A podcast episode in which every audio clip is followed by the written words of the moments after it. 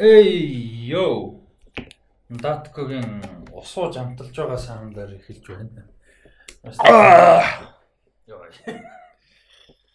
А Rusty Talks podcast-ийн Ирдэх. ирдэх дугаар хэлээд бэлэн байна. Тэгээд энэ нэг а ерөнхийдөө мэдээл жоохон баг байсан. Тэгээд сая дөнгөж сая нэг ганц хоёр цагийн өмнө бас нэг том мэдээл гарсан байгаа. Тэгээд тэр өсөө өндөр ярина. Киноны хөгжим тийм киноны film composer агуу уран бүтээлч, домогт уран бүтээлч Ennio Morricone 91 юмсанда таал төгссөн байгаа. Тэгээд тэр талаар мэдээлэл бол дөнгөж сайхан гарсан. Цаг хоёр цагийн өмнө тэр талаар тодорхой хэмжээнд ярилцах байх. Гэхдээ яг сүүлийн 2 7 хоног за 2 жиштэй баг 1 7 хоногт ямар их хүн өнгөрч үү те. Тийм Ian Holm сурсан, Ennio Morricone сурлаа. хин Шумахер оо Жо Шумахер те.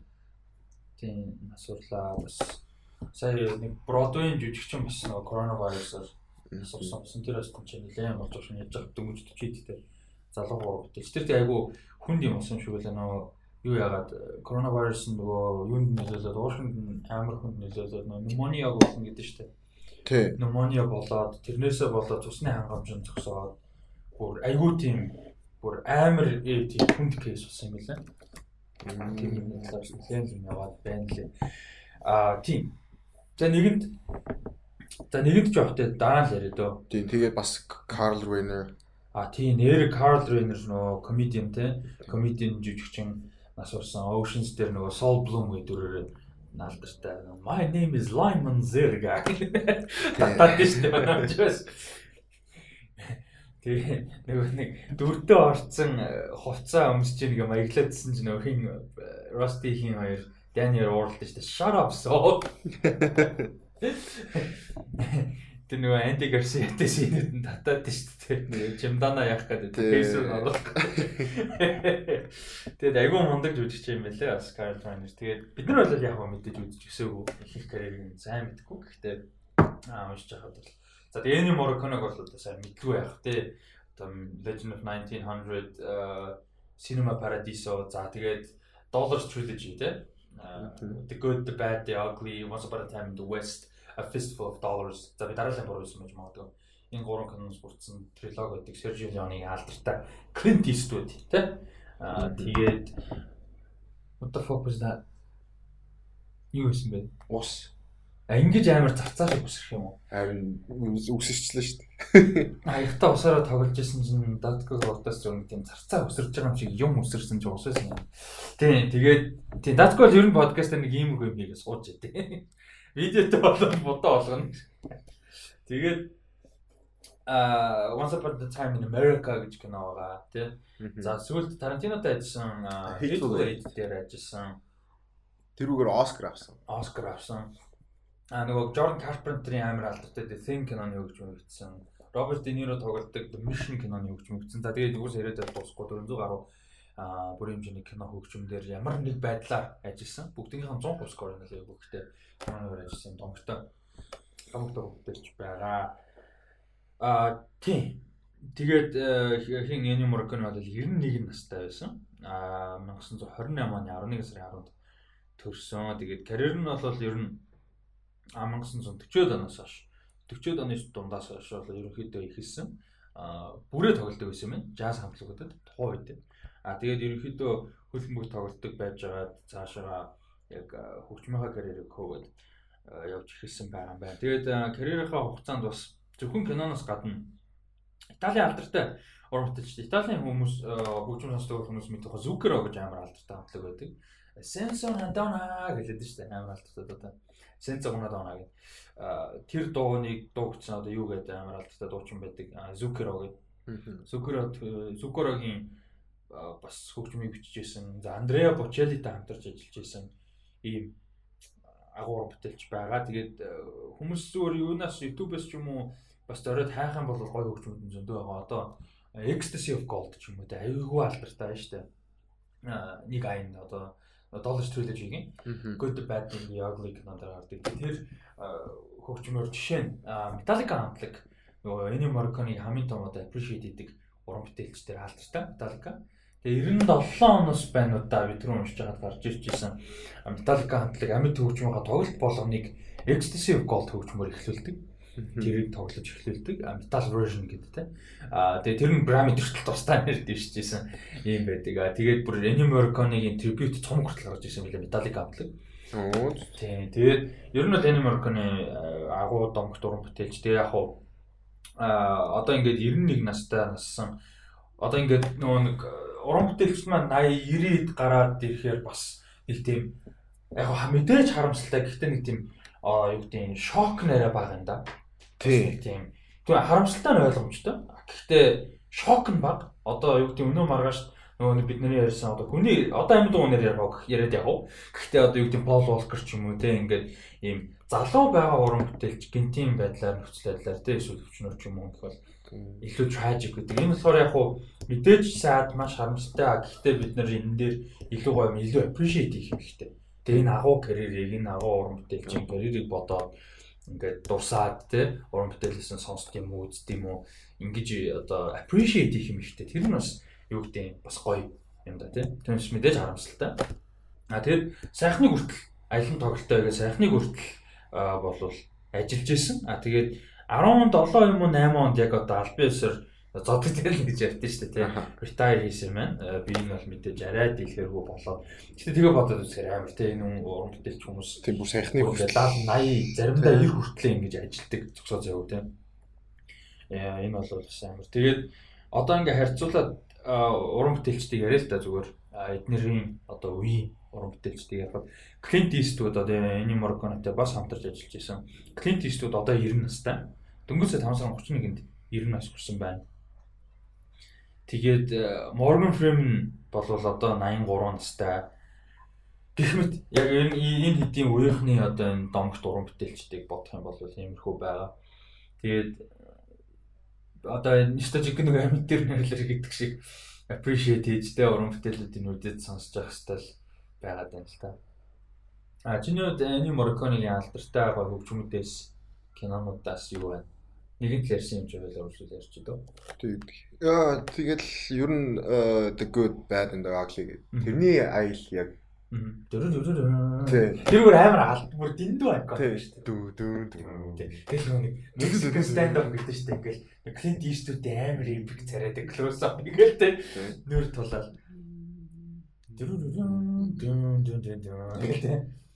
Тийм. Гэтэ би яг бас тэрийг л амар сайн тод санаж байлаа. Гэхдээ ер нь дахиж жоохон сэргийгээд скордын сонсох хэрэгтэй гэж бодогдоо. Ер нь бол. Тэгээд мэдээж Cinema Paradiso бол бодож тоо. One of the all time best кинодын нэг болоо. Cinema Paradiso мэдэх хэрэгтэй байх. Тэгээд сүүлд бол Hateful Eight-ийг үзсэн. Тэгт би тэгтээ яагаад Score-ны үнэхээр үнийг санахгүй байна. Амар тийм Score-тэй шүү дээ. Тийм тийм тэрийг дахиж үзэх үзээд сонсох хэрэгтэй байх гэж бодогдлоо. Тэгээд Canon дундаас нөө The Thing гэдэг эн чинь бас өөр remake шүү дээ.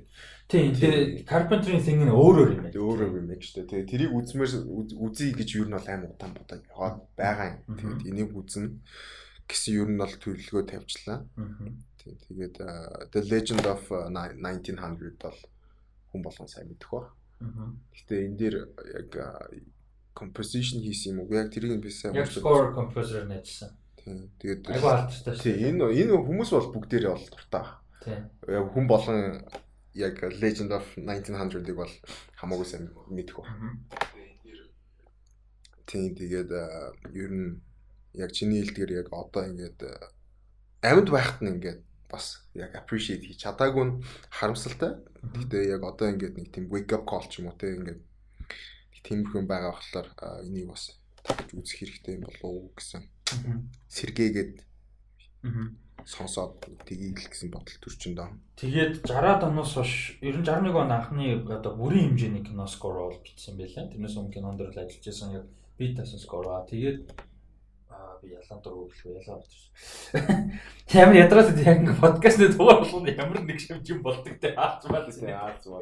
Одоо үгүй миний муу миний муу чааш. Одоо миний чааш юм. Миний муу тэр хөрхий тэр аалсны тэр одоо graveyard юм уу хатаа хааш. Уул мөр хэрэг. Хэргийн уул мөр те хэргийн уул мөр одоо хүртэл тэр хан дээр байж л нэг амар том утга нэгсэл.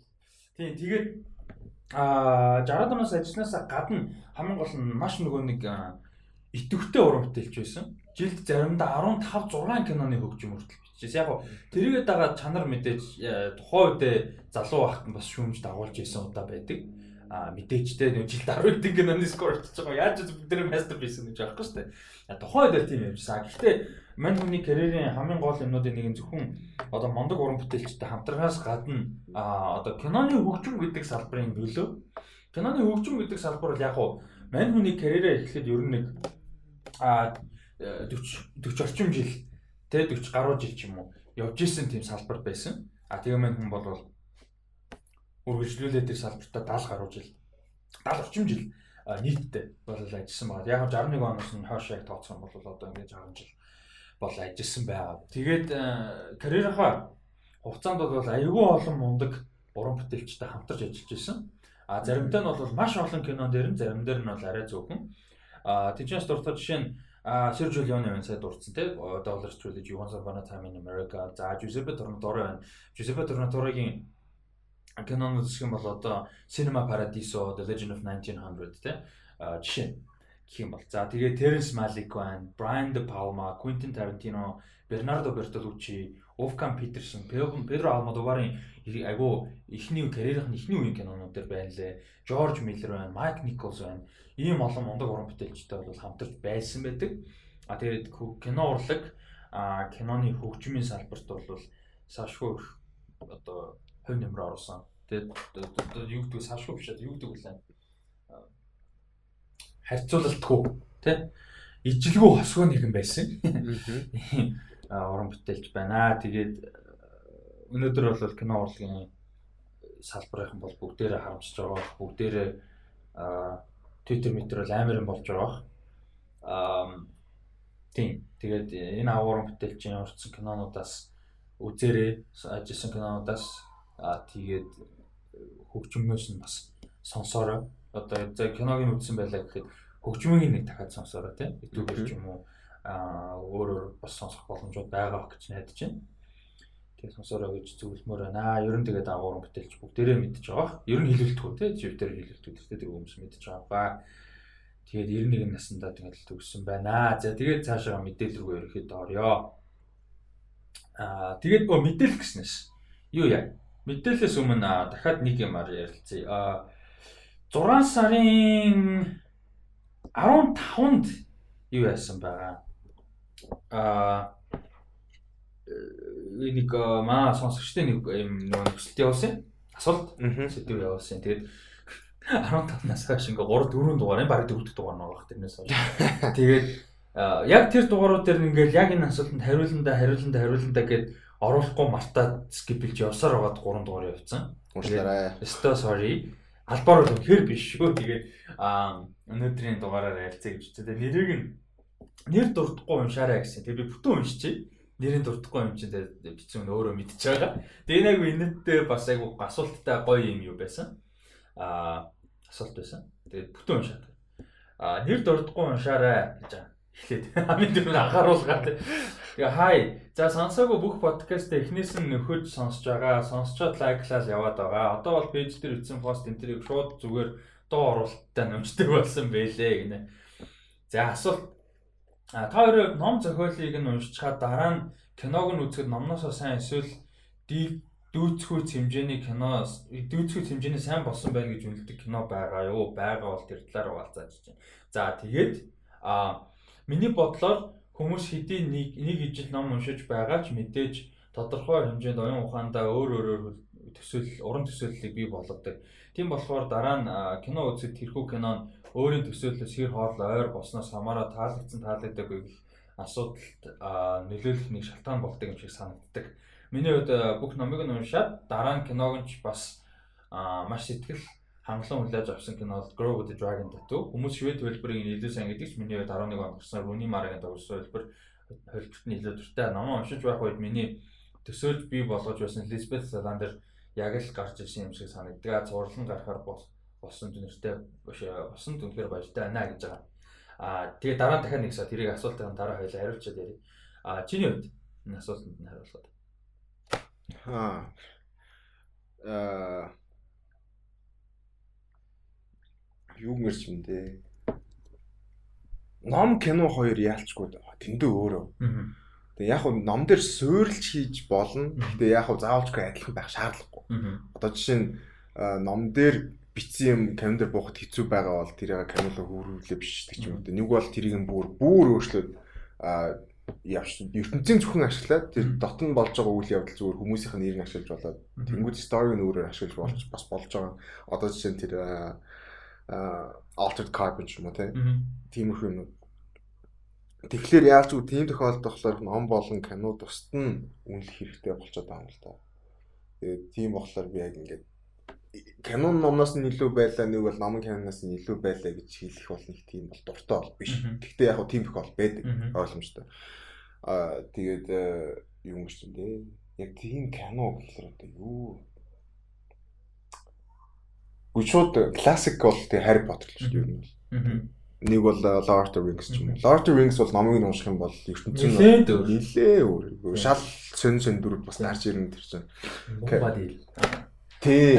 Нөгөө мод тэгээд тэгсэн мөртлөө нөгөө юу бүгжний хүч нөлөөж мүлээлдгүү. Нэг тийм бас дүрмөр байдаг. Тэгээд тэгээд тийм болохоор яг ингээд ном нь илүү ч юм уу кино нь илүү гэхэд хэцүү. Тэгэхээр яг л ном нь гоё, кино нь бас тасархай гоё гэдэг. Тийм болохоор тэгээд надад бол ингэ санагдаад fiction ном номыг adapt ер нь adaptation гэдэг чинь айгүй чухал үг нөх. Бид нар ярьдэн шүү дээ. Одоо translation биш interpretation гэдэг айгу зарим нөхцөлд мэдээж байна шүү. Гэтэ зарим нөхцөлд илүү зөв утгатай. Тэгээ нөгөө нэг төлөөлж яг утгыг нь илэрхийлж шууд ойлгохоосоо илүү. Тэгээ сайн нөгөө нэг гүнтлагийн зураг үзсэн шүү дээ. Language as legs гэдэг шиг. Тэгээ хэлдэг бол тэр шиг а нөгөө interpretation гэдэг чинь чухал байгаа тийм. А тэгэнгүүт яг уу номны story дөрүүд гол intrigue тэгээ гол twist ч юм уу тэр гол уур амьсгал мэдрэмж тэрийг л өөр формат руу орж адапт хийж байгаа байхгүй. А тэгэхээр адилхан бүр ямар ч боломжгүй. А хоёулаа сайн байж бол. Одоо Game of Thrones тий Song of Ice and Fire тусдаа хангалттай мундаг новелууд цуврал нь зарим нэг хүмүүс л одоо боож хүч гэдэг нэг хідэн эпизодоос болоо. Гэхдээ эхний 5 6 season 4 5 season харах юм бол тий а амар production байгаа шүү дээ. Мундаг. А гэхдээ тэр хоёр тусдаа шал хоёр өөр юм байгаа байхгүй формат нь үйл явдал нь адилхан юм шиг хүртлээ. Тэгэхээр би бол яг харахтаа тус нь хүлээж авах хэрэгтэй гэж. Зарим нэг номыг бол мундаг кино болцсон байдаг. А тэгээ одоо хамгийн амар жишээ. Би киног нь зөвхөн номын уншаагүй. Гэхдээ зүгээр энэ салбарт яг энэ дээр жишээн дээр ярьдаг юм The Shining.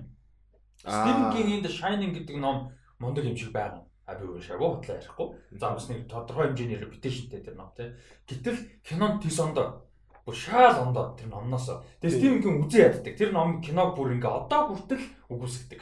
Тэр кино бол шийдтэй миний ном биш одоо хүртэл тэгж ярьдаг. А гэхдээ Shine the Shining кино те одоо хүртэл ямар хэмжээнд яригддаг вүлээ. Тэгэхээр гол core idea, гол core юмнуудыг нь хадгалж юм уу ингэж чадчихвэл заавал адилхан байх хэрэгтэй гэсэн юм байхгүй. А тийс ондоо болоход ч сайн байж болж байгаа байхгүй. Ер нь яг минь яг үнийг хэлэхэд. Тий, Altered Carbon. Тий, тий, одоо Altered Carbon гэдгсэн. Би яг одоо шууд санаад орохгүй. Гэхдээ ондоо болоход тэрийг нь core idea-г нь хадгалж байгаа юм чинь байна. А жишээ нь Watchmen-ийн төгсгөл байна л да. Яг гоо Watchmen амар complicated issue яг ярихад киног. А гэхдээ зүгээр гол үндсэн ID-г нь өөрчлөөд илэрхийлж чадж байгаа төгсгөл юм. Тийм. Ягаад тэгэхээр киноны медиум дотор утгагүй байхгүй юу? Хариг харгийн ээлэн юм гарч ирсэн. What the яг ингээд цэнхэр Blue Dome-тэй баг яваад байгааг үзээд байгаа ч гэсэн ийм авраг 8-аас гарч ирээ Нью-Йоркыг устгаж байгааг үзээ бид нар what the fuck мэдтэй. Тэгээд тэр чинь ингээд кино урлагийн медиумд болохгүй байгаа учраас тэрийг эвтэйхэн орлуулад Манхэттны энержиг Зимандес авсан болгоод тэгээ ингээд тэр энержиг дэлбэлсэн болж байгаа. Айдиан хിവэрээ. Тэ Зимандесийн хийж байгаа үйлдэл нь хിവэрээ, зорилго нь хിവэрээ, үр дагавар нь хിവэрээ. Яг бүх юм нь зүгээр деталийн солилж байгаа. А тэр нь кино урлагт илүү хацалтаатай Юу тэр яг дебет бол байгаа дээ. Гэхдээ би бол тэр тал дээр зөвхөстэй. Би график новел уншижсэн. Новелн дотор болчиход байгаа байхгүй зургтай новелн дотор тэр чинь тий absurdity болчиход байгаа. А кинон дээр чинь утга болох гэдэг шүү дээ. Тийм болохоор Авцалдаанууд бол тэгж бодож байна. Тэгээд Gorm the Dragon tattoo дээр би бол Swedish Trilogy Forever ер нь номын шуншаагүй айлын ч үзээгүй. За тэгээд би бол миний хариулт бол. Ном үнэхээр гоё. А intriguing. Би нэ өргөжлүүлж унших сонирхож байгаа байхгүй одоо. Яг одоо хүртэл энэ гурван номоор уран бүтээлч нь өршөлж өөрөө хийж чадаагүй насварцсан болгоны юм байгаад а Дэвид Финчерийн кино by no means муу кино биш. Яаж ч үсэн муу кино бүр амар сайн кино. Гэхдээ зөвхөн яг тэр кинон дээр тэр контент тэр агуулга дээр суурилахаар тэр дөрүүд дээр суурилахаар нөгөө Swedish Trilogy миний сэтгэлдийг амар бууцсан байхгүй юу. Тэгээ нөгөө ийм epic том production биш байхгүй юу. Амар нэг тийм HBO TV цуврал production таахгүй юу Тийм. Дэвид Финчер чинь амар том божит амар cinematic те тэгээ Daniel Craig, Rooney Mara ингээл те энэ тийм биш байхгүй юу? Нэг тийм телевизийн цурал квал яалтчгүй божит мажид багтаа нэг тийм бас. Гэтэ trash муу гэсэн үг ш. Зүгээр тийм мэдрэмж нь down to earth байхгүй. Нэг тийм болж байгаа юм үзэж байгаа юм шиг. А Финчер кино үзэхээр cinematic үзэгдээд байдаг амар юм cinematic дээр өнгө мөнгөтэй ингээл нөгөө color palette malette-нтэй юм хүүтэн мүүтэн энэ тэр Тэнгүүт э, Millennium Trilogy яг швед кинонууд энэ үгээр realistic as fuck санагдаад байдаг байхгүй юу? Ер нь зураг авалт хийц, дөрвийн тоглолт моглол бүх юмнууд нь тэрийг нь үзэх юм шиг. Тэг санагддаг. А ялгааны хувьд л а тийм саяны тэр бас ярьж байгаа нэг хүн болгон уншихтаа ингээд өөр өөр ингэсэн ертөнцийн толгойдроо би болгодог гэдэг дараа амар чухал. Яг л гэхдээ би яг ном дээр биш надад өөр юм дээр гарч ирдэг юм болохоор манга байхгүй. Би манга унших дуртай гэхдээ би аним үзэж чаддаг байхгүй. Одоо жишээ нь Гэтэ яг хуу аниме илүү мангаг илүү нөгөө тэх юу өргөн үрээнд болгоод нөгөө нэмэх синүүд нэмж мэмээд илүү инээдтэй болгодог ч юм уу те. Гэтэ би манга уншлаар яадаг вэ гэхээр миний толгонд төсөөл дотор плей аут хийж байгаа өөр байдаг ч юм уу. Нэг бол дуу хоолой, нэг бол тэнцээ илэрхийлж байгаа экспрешн хүмүүс яаж тэнцээ хандж байгаа нь ингээд өөр байгаад байдаг. Аниме үзэхлээр яг хуу мэдээж нөгөө юу ID нь адилхан гэхдээ миний бодсноос өөр байгаад байдаг байна. Тэгэхээр би аниме үзэх амар нэг тийм заримдаа хэцүү байдаг. Одоо шиг One Piece ч юм. One Piece-ийн би бол аниме үзнэх үзэдэд мангагийн л унших юм дуртай. Яг л гол дүр Luffy-гийн дуу хоолой ч юм уу те expression юу гэдэг бүх юм миний толгойн дотор арай өөр байгаад байдаг. Тийм тэгээ бас дээрэс нь англиар уншдаг болохоор бас заримдаа нөгөө яг Япон дээр Япон дээр байх нь гоё л да аниме ямар ч тохиолдолд Гэхдээ зүгээр нэг тийм мэдгүй яг манган дээр миний харь өөр гад идэм юм тийм. Тэр амар чухал ялчгүй чухал. Тэгээ нэг текст форм чинь бид нэр зохиол фикшн зохиол дөрвийн ихэнхдээ дөрүүдийн бодож байгаа бодлыг шууд мэдчихдэг. Тэгээ их зав дандаа бол биш л зарим ном тийм биш гэхдээ ихэнхдээ тэгээ характерууд юу бодож байгаа ямар юм тэгээ цагны нэг тийм үргэлжлэл нь өөр штэ номны зохиол текстний. Амьдрал дээр одоо амьдрал дээр ч явахдаа одоо кино урлагийн өсвөл телевизийн зурвал дээр дүрсний илэрхийлэл чинь motion picture чи арай өөр байгаад авах илүү хурдан явна. Бид нар тэр хүний бодлыг ямар ч солонгос драмт тэмдэгтэй байхгүй. Пауз аваад сингийн паузлагдаад дүрэн бодоод үзэгчтэй narrate хийж өгөөл те. Яг нь narration гэж түүл байгаа. Гэхдээ narration түүл сайн ашиглаж чадахгүй бол ер нь хэцүү төл шүү дээ те. Тэр химийн сайн ашигладаг Scorsese энэ. Гэхдээ ерөөдөө хэцүү. За тэгээ үргэлжлүүлье. Энэ айгуу гоё. А just for fun гэж аа. Банк сонсоод байсных банк подкаст сонсоод байсных юм уу? Ха ха саяхан Унтахаас өмнө баахан сонсож байгаад унтцсан чинь баахан л таадгүй зүрдэлээ. Тэгээд бүр бүр дээдийгээ баахан юм яриад байсан. Хаагаа уучлаарай зөвшөөрлөгөө зүудэндээ дээдсэн. Зүр зүр. Яаж хүний зүудэнд дээдэнд явж болж ин болж. Ахиж Унтаас өмнө сонсохгүй байхаас айгүй бол зүудэндээ аваад суучиж магадгүй байна. Йоо. Яа, хүний зүуд нь миний амьдрал бүр хамаагүй сайн гоё юм. Тэгээ жин бодит амьдрал дээр үнэн сугнаас яа. Подкаст өнөөдөр үчиж байгаа байх гэдэг асуултаа явуулсан юм а баахан хэрэгтэй өрөхөө бичсэн дуучлаарай амжилт. Уул нь 15 гэсэн баггүй тийм өдөртөө байлаа. Яа, за удаасан дуучлаарэ 20 хонолсон байна. Тийм удаасан байна. Тэгээд би дараа гоё асуулт нэлээсээ баярлаа тэр гээд уул нэгсэн баггүй юу?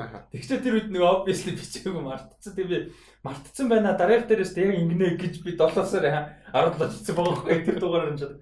Тэгсэн чи дараа нэг жаа. Ганц явуулсан асуултынхаа хариултыг асуултынхаа хариултаа 3 подкаст дараалж өрөөсөн байдیں۔ Эхнийх дээр нь хоцроо, дараагийнх дээр нь мартагдаа, сүүлийнх дээр нь бүр ахиж подкаст дээр асуулт авахгүй гэж авсан болоо байлчих. Э гомдол нь яваасан шүү дээ. Ямар ч тач 18 оны үндсэн подкастуудаа дуусгаад 19 онд амжилттай орсон нөхөд явж байгаа 100 дахь дугаараас өмнө гүйтчих байх гинэ. 100 дахь гүйтчих واخ. 100 дахь зурж хаасан намраас гэсэн шүү дээ. За тэгээд ямар ч байсан асуулт илгээсэнд нь баярлалаа. Тэгээд аа юу яа? Аа мэдээлэл рүү оръё. За, гурван трейлер. Эхнийх нь 8 сарын 6-нд HBO Max дээр орж байгаа. HBO Max-ийн анхны original кино. Одоо яг зориулж хийсэн хийгдсэн юм да. Feature film. Анхных цуврал нь нөгөө Love Life гэдэг нөгөө Anna Kendrick-тэй цуврал байсан. Анхны кино нь American Pickle гэдэг нэртэй кино олж орж байгаа. За энэ трейлер чамд ямар санагдав? Ер нь энэ киноны хүлээлт юу байна ойлголт ямар санагдав? Трейлер таалагдсан шүү дээ. Таалагдсан шүү дээ. Аа тий инээдтэй байлээ. Гой харагдчихлаа. Амар тийм өрмөгц хөгжилтэй аа үзмэр санагдсан. Тэгээд Seth Rogen-ыг тийм өөр акценттэй, өөр өөрөөр ярьж байгааг сонсох надад амар гоё биш. Надад ерөөсөө өөр. Зүгээр акценттэй л биш. Үгүй надад надад амар өөр санагдав. Тэр нь амар сонирхолтой амар инээдтэй санагдав.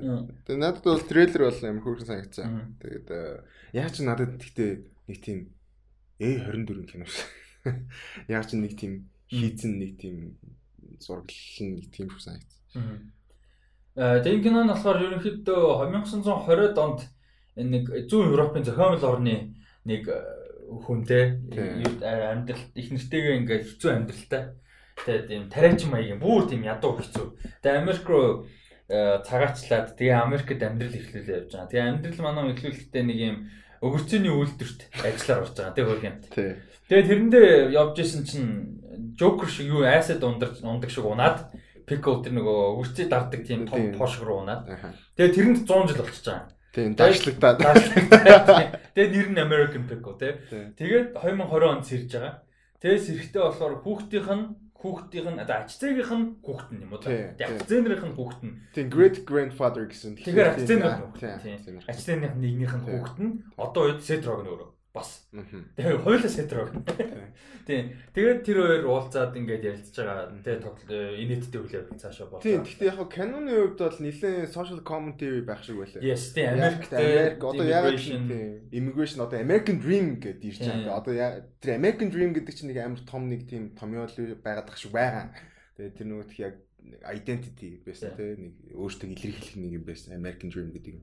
Тэрнийх нь утга нь алдагдсан ч юм уу нэг бол яг юу юу мэрч юм дээ. Одоо одоо ингээд бодоод үзэхлээр яг Америкт амьдарч байгаа хүмүүс нэг тийм өөрчлөгдсөн. Яг анхандаа болохоор dream гэдэг утгаараа болохоор нэг тийм мөрөөдлөөр гоё юм төсөөлж очиж исэн бол одоо жоохон өөрчлөгдсөн ч юм уу тий. Тэгээ боломж гэдэг юм нь өөрөө.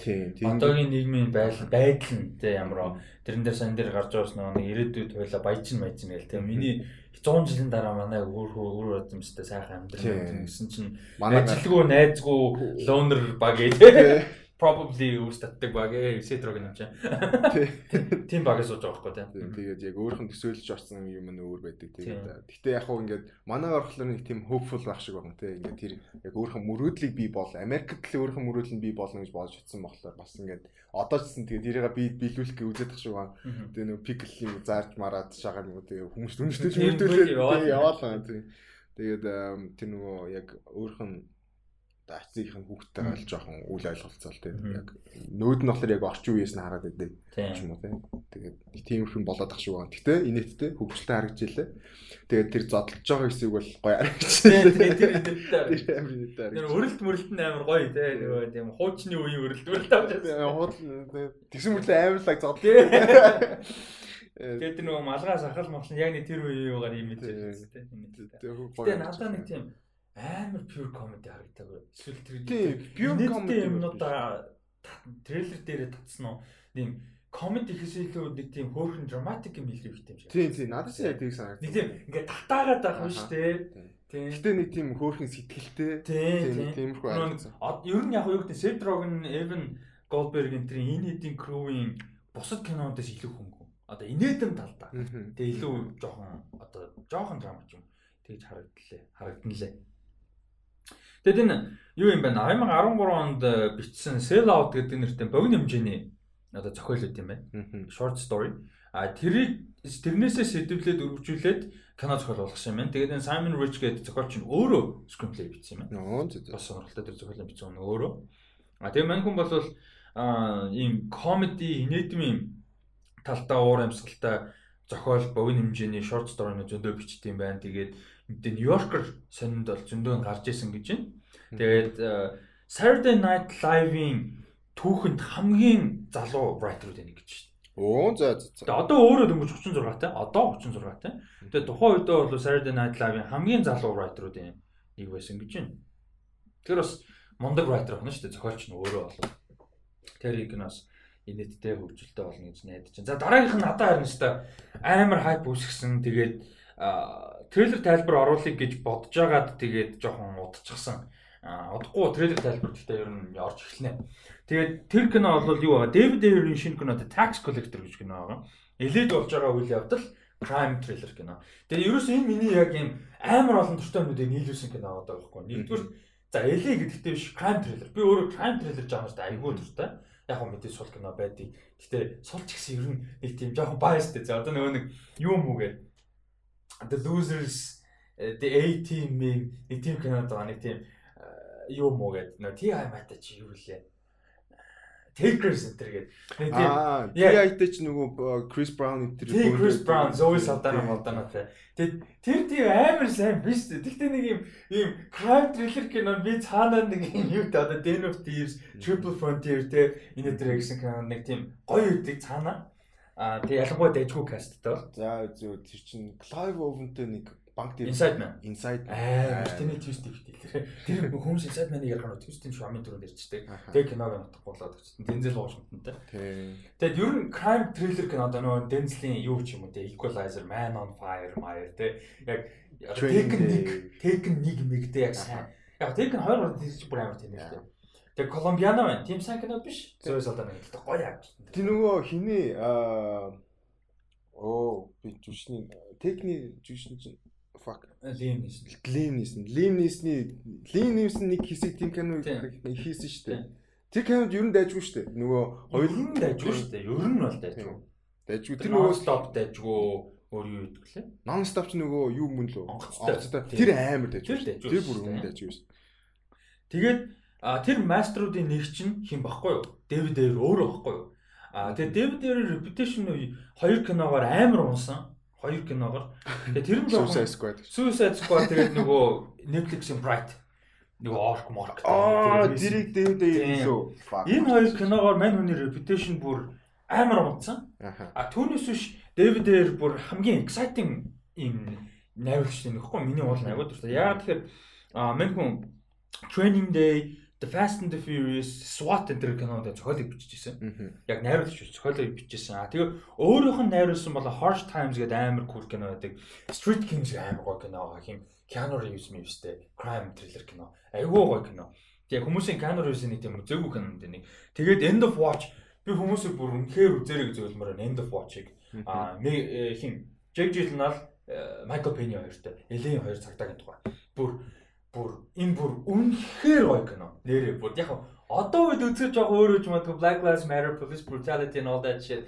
Жохон perspective жохон өөрөө жохон төг гэхдээ би үзэг утсан болохоор сонгох гэхдээ тэр үнэхээр гоё кино. Хоёр цагдаагийн тухай. Бас элийн элээд болж байгаа юм.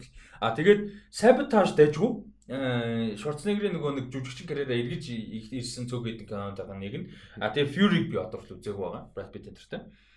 Тэгээ ийм байгаа. Тэгээ тийм болохоор ер нь бол Дэвид Эйрийн кинонууд хайптай байдаг. Тэгээ одоо ярих чад кино бол трейлер Tax Collector байгаа. Тэгээд тэрнээс гадна а The Dirty Dozen гэдэг киноны ремейкийг хин хийж байгаа юм байна.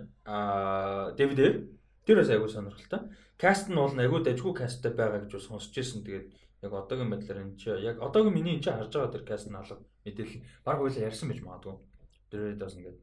Аа За тэгээд Tax Collector.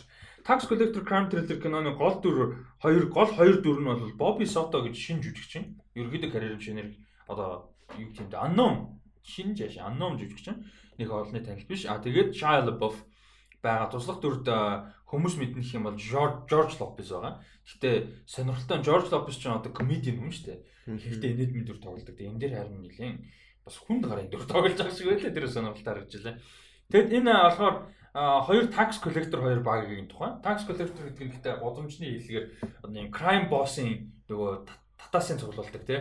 Татаасын цуглуулдаг гэх үү? Тийм одоо юу гэдэг чинь. Тийм одоо мэдгүй юу ч татвар цуглуулдаг юм. Тийм яг татвар гэхээр нөгөө legal хэмжээнд биш нөгөө тийм нөгөө юу Тийм тийм. татаас татаас лимда тиймгүй минь зурлуулдаг хоёр хүнд хоёр гарын тухай. Тийм тэгээд ер нь л баг юу юм шүү дээ нөгөө тийм crime boss-ийн нөгөө хөл сахиулагчд маяг Тийм crime boss-ийн нэг зохицуулагч хоёр тийм зохицуулагч Мөнгөний зурлуулдаг хоёр гар. тэгээд хоёр гарал юм шүү гэн тийм Тэгээд Shia LaBeouf болохоор Creeper гэдэг нэртэй баг. Тэгээд Bobby Sutton David гэдэг энэ хоёр болохоор хамтдаа яг ингэж явдаг. А тэгээд мань хоёрын босс нь болохоор Wizard гэдэг нэртэй том босс байдаг. А тэгээд Wizard-ийн эсрэг амар том юм а бас үйл ажиллагаа том юм болоод дайн гараад а crime тэг нэг гангуудын дан гараад тэгээд манай тэр нөгөө Bobby Sutton гэж үчнээ David гэдэг дүрийнх нь хүүхдүүдийг булгаалж байгаа марцалж байгаа трейлер дээр. Тэгээ ерөөхдөө боо юм болж байгаа тухай гарах юм аа л та кинон бол. Трейлер ч хамаад ямар санагдав? А, зүгээр сая гуглдсан чинь Shia LaBeouf тэгээд сая энэ кам зориулаад цээжин дээр жигнэсээ татуу хэлсэн гинэ. Nice. галзуунаас. А трейлер яг үний хэлэхэд надад бол бас яг гоё тусаагүй. Жаахан сул байсан. Яс юу болоод байгаа нь ойлгомжгүй. Яг хоо нэг татвар цуглуулдаг нэг тэнгүүтээ нэг юм нэлээд байдаас дөрүүд юм шиг байна. Хүн болгон хүндэлдэг ч юм уу, нэг бол айдаг ч юм уу. Яг тэрийг нь ойлгосон. Гэхдээ яг каноны яг өнцгөөс яг плотын өнцгөөс бол яг юу болоод байгаа нэг сайн ойлгоогүй. Тэгээд яг тэр нөгөө Bobby Soto гэдэг дүрийн нь болохоор гэр бүлтэй юм шиг байна. Тийм, тийм. Тэгээд миний ойлгосноор болохоор гэр бүл нь хулгаалцсан юм уу? Харин сая бирс нөгөө юу яатсан? Барцалж байгаа хгүй. Барьцаалцсан юм уу?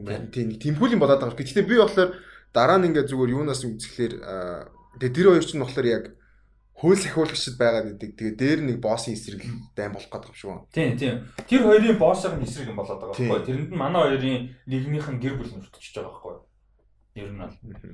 Тэгээд хин Дэвид Эйрийг би миний мэдхээр Дэвид Эйр яг зохиолч талаас нь найруулагч гэсэн яг ийм crime thriller, crime action кинонууд дээрээ нэг юм сэтгэл а хөдлөлтэй ингээд нэг тийм хүний хоорондын харилцаа ач холбогдол гэсэн юм шингээж чаддаг Эйр. Ялангуяа End of Watch киногоор бол тэгж бол агүй сайн чаддаг найруулагч. Миний мэдхээр. А тийм болохоор энэ дэр гайгүй нэг чинь. Дээрэс нь би юунд амар дуртай. Shia LaBeouf нэг юм юм raw фильтргүүд дүрүүд тоглохоор амар сайн байдаг. Ер нь нэг юм энгийн дүр биш дүрүүдэд нэг тийм нэг тийм бүхнээ зориулаад нэг юм гэж нэг тийм бүр хуурцсан тэр хүн шиг болцсон нэг урдэн шүү дээ зарим хүмүүстэй дүрд. Тийм дүрүүдэд бүр Shia LaBeouf юм амар гоё байдаг. Тэгээд яг сүүлийн хоёрын 19 оны хоёр кино Honey Boy The Peanut Butter Falcon хоёр дээр яг тийм хоёр дүр байсан. А, Айгуу хүнд хоёр дүр. Тэгээ айгуу гоё хоёр дүр, шал хоёр өөр. Тэгээд энэ дээр бол надад амар гоё харагч. Тэгээ мань үнийг нэг юм action crime thriller киноор бас ингээд тоглож карьер яаж байгаад нь үргэлжлүүлж байгаад нь айгуу баяртай. Ер нь Shia LaBeouf миний бас айгуу дуртай жүжигч тийм нэг. Тийм, Shia яач байгаа гэж үлээ. Тийм. Юуч кул юм. Яа, бүр амар байраасаа. Тэ амар байраас кул харагдж байлаа. Тэгээд яг яг чиний хэлдгээр нөгөө яг хоёлоо яг төрүүчийн юунд ярьжсэн шүү дээ. Shia LaBeouf ер нь ингээд карьер нэг одоо буцаад ингээд карьерд буцаж ирж чинь тийм ингээд индустрид буцаж ирж чинь. Тэгээд цаашаа юу хийх бол гэд ярьжсэн. Тэгээд ийм яг өөргөө нэг ийм артистик талаасаа ингээд бас raw байлгах Мгм. юмнуу тоглож илээ бас гоё л байна. Бас нэг франчайз энэ төргээ баригдчихгүй те. Гоё ингээд гоё project дээр ажиллаа явж ивэл. Тий, тэгээ одоо удахгүй дахиад нэг драма тоглож байгаа юм байна. Аа хин Shia LaBeouf. Нилээн том кастын нэг хэсэг юм байна. Аа Vanessa Kirby, Shia LaBeouf, Ellen Burstyn, Molly Parker энэ төр тоглосон. Benny Safdie. Оо, Benny Safdie. Нөгөө хин Safdie Brothers-ийн Benny Safdie жүжигчний өрөөс орж байгаа юм байна. Зүг зүг. Ийм драма кинонд бас байгаа юм байна. Зураг авалт нь бол дууссан юм байна. Vanessa Kirby энэ хоёр гол дүр. Interesting. Ийм драма байгаа юм. Тийм Shia LaBeouf ер нь бол айгүй гоё жүжигч юм. Тэгээ Tax Collector 8 сарын 7-нд Америкт нээлттэй театруудаар бол хийн гэсэн зорилготой байгаа юм байлээ. Тэгээд яг тэрэндээ амжих үгүй бол юм сайн мэдгүй те одоохондоо. За дараагийнх нь баримтат кино саяны Sundance дээр нээлттэй хийсэн. Sundance дээрээс э, шүүгчдийн бүрэлдэхүүнээс шилдэг баримтат кино шагналыг хүртсэн Boys State гэдэг нэртэй баримтат кино байгаа. Энэ амар сонирхолтой. Би За, бүр гэхдээ наа жигнэс би энэ кино what the fuck documentary what the fuck тэгсэн жигнэс юм болдсон юм билээ те. Тэгээ жил болгон 2000-ад гаруй гаруй. тийм 1000 гаруй залуучуудыг senior high school seniors тэгэхээр одоо төгсөх ангийнхан төгсөх Ер нь за 16 5 6-аас 17 8 насныхан л тий ер нь одоо тийм хүү. Тэгээд хүүхдүүд эрэгтэйчүүд хамгийн гол нь эмэгтэй хүн байхгүй. Яг уу хоёр хөлбөр байдаг. Энэ зүгээр нөгөө нэг а, тэр болдог юмных нь boys талыг харуулж байгаа. Boys version-ыг. Аа энэ болохоор boys girls state гэж юм зуны leadership citizenship-тэй энэ нөгөө хуу хүний хөгжил зориулсан leadership-ийн програм юм байна л да. А тэгээд All boys states, all girls state гэж хоёр тустай болд юм байна. А тэгээд энэ баримтат кинонд boys Boys state дээр тийм. нь суурилсан. харин тийм баха. Яг зөвхөн эрэгтэйчүүд гээд Тийм. яц байсан тэгээ. Сонирхолтой харагдчихлаа. Би бүр энийг Америкийн бас мэдгүй нэг бас хэсгүүдийн нэг үлээ. Weird юм Тэгээ даа. weird нэг юмуд нэг баг шиг гэсэн. Тэгээд үзмэр санагцсан ялцчих юм. Тэгээд энэ айгүй олон мянган хүүхдүүд оролцоод тэгээд дундаа одоо leadership юм суралцдаг тий харилцаа суралцсан, leadership суралцсан. Дундаасаа одоо pol- politics явж байгаа тий нөгөө нэг governor болохын төлөө бүр election хүртэл явагдана тий тэрнийхээ кампэйнийг Тий. энэ дээр хоорондоо өрсөлдөн тий race issue яригдж байгаа тэнд тий ингээд зөндөө юм бол надад нөгөө Америкч одоо тэг хоёр хуваагдчихад байгаа шүү Republican юу гэдэг юм. тий bipartisanship тий Тийм тэгээд э, democratic тийм Democratic тийм. Тэгээд мэдгүй яг тэрэн дээр бас нэлээ бас commentary баг шүү лээ. Нэг нэг одоо нэг цагаан хүүхд байгаа нэг богон урт. Тэгээд тэр бол нэг тийм өөртөө амар ихтгэлтэй. Тэгээд ер нь бол би бол яг governor бол- болно гэсэн нэг тийм зорилготой. Гэхдээ яг хүмүүст яаж таалагдах уу, юу ярил хүмүүст таалагдах уу гэдэг яг тийм аа тиймэрхүү талаас нь яваад шүү. Яг тийм ID-н дээр суурл суурлаагүй. Аа. Тийм хүмүүсийн зүгээр хайрыг татаа те нэг бол зүгээр худлаа үгээр ингээд өөртөө татах ч юм. Тэгээ нэг Мексик хүүхд байх шиг байгаа. Тэр нь болохоор би энэ бас нэр дэвшнэ гэдэг. Тэр нь болохоор илүү яг тэх юу ямар асуудал вэ те тэр асуудалтай юм суурилсан байдлаар Аа. явж байгаа шүү. Тэгээд тэр нь тэгцээсэн нөгөө яг гоо great politician Аа. юм шиг харагдаж байгаа. Гэхдээ тэглээгээд яг магцсан үг бол биш гэдэг тэгцээсэн гэж ярьж байгаа. Тэр мөр хэсэг амар хөөрх санагд. Тэгээд трейлерыг нь юу н үзээрэй гэж хүмүүс. Тийм трейлер заа юу гацсан. амар сонирхол гоо яг бидний хувьд амар юу? Тий. Одоо бид нар тийм яг уу э бидний үсрээл нэг найрамдлал явдаг үстэй. Бидний үед бол за одоогийн тэнэжрүүдийг мэдэхгүй. Бидний үед л нэг юм үсрээл нэг юм communal том experience үсрээл найрамдал цуслалт явах л байгаа байхгүй? Нэг бол нөгөө сургууль дээр нөгөө багш нар сурагчаа солигддог нэг юм байдیں۔ Цаг нэг захирлан солигдоо багш нар солигдоо сурагч. Яг хүүхдийн ордон хайр. явж байсан хүмүүс жоох өөр гэж магадгүй. Би явж байгааг л. Тийм. Тэгээд энэ болохоор Apple TV Plus дээр 8 сарын 14-нд орох юм байна. Яг хаа 7 сард бол театруудаар гарна гэж Америк гэхдээ тэр бол өөр асуудал. Тэгээд ер нь бол 8 сарын 14 гэхэд Apple TV Plus app дээр орчих юм. Тэгээд амар сонирхолтой мэдээлэл. Одоо энэ Boys Girls Nation шүү дээ, тий. Одоо энэ э, Boys Girls State гэдэг.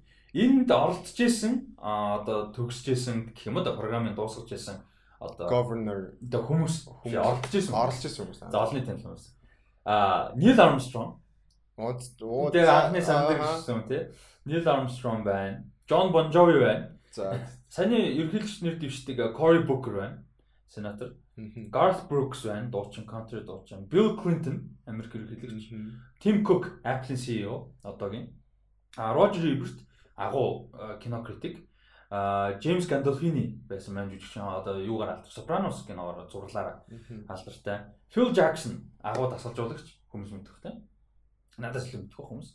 Аа тэгээд за би мэдүүдэл ярьж байгаа шүү. Аа за зөндөө хүн байна л да. Bruce Springsteen and the Boss амар дуучин.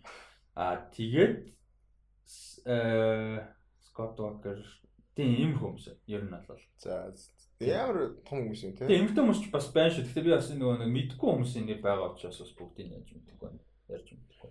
Тийм. Ер нь бол ийм олон хүмүүс энд нь оролцож байсан юм байна. Тийм трейлерыг ихтэй заавч үзээрэй. Айгу entertaining Амар entertaining байлаа. Би бүр үзчихэд holy shit энэ бүр заавч үзмээр өстө chicken trailer яг зорилготой үрдэг бол саяны трейлер зорилготой хүрсэн ялж.